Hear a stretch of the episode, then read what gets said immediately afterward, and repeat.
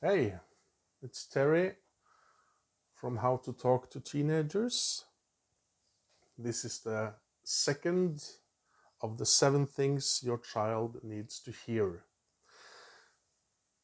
I discovered something, I think it was in 2007 when I started uh, with the coaching. I discovered that lots of the issues that people and teenagers are struggling with. Is not problems. They're symptoms. So let's take uh, using drugs bad grades uh, a lot of fights maybe the negative behavior. Is not the fighting is not the problem.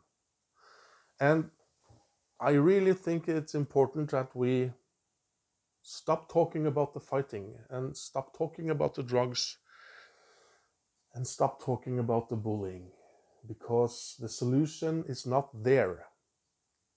Those are symptoms. The fighting and bullying are symptoms. And so, and what's the problem? Well, the reason and the problem is the teenagers or people in general Eh, self esteem. They do not like themselves. So that, that's how I developed my work when it comes to teenagers. And they're so sick and tired of talking about the problems. so the, the whole clue is to make them like themselves better and these things that your child needs to hear is all connected to that. So the bullying and the fighting is just a symptom that they do not like themselves. I, I, I will tell you, uh, I, I hope you disagree with me because that, that means that you are thinking for yourself which is always a good thing. You shouldn't just well, let me say the the the thing I would advise you not to do is not have a strategy of how you talk to teenagers. That's a bad idea. The second best idea is that you listen to me and do do as as uh, what I say. It's kind of a good idea. The best idea is to listen to me and disagree with me if you want to, and make it turn it around and make it your own. You know, that's development. That's progress. That's creativity. And take something listening to it and maybe developing it. That's really cool.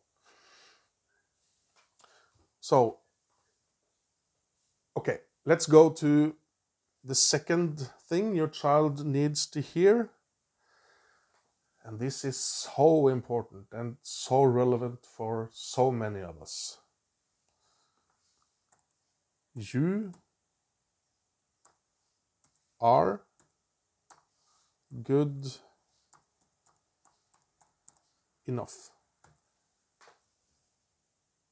Just the way you are, not connected to, to how clever you are, you are good enough.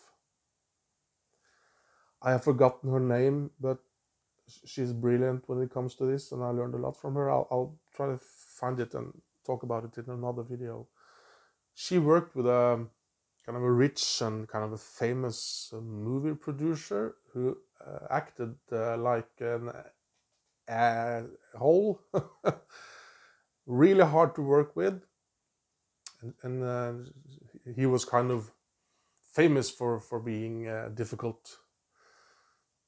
And she met him, and she said, "You know what I think? I think that you you think you're not good enough." And everything changed.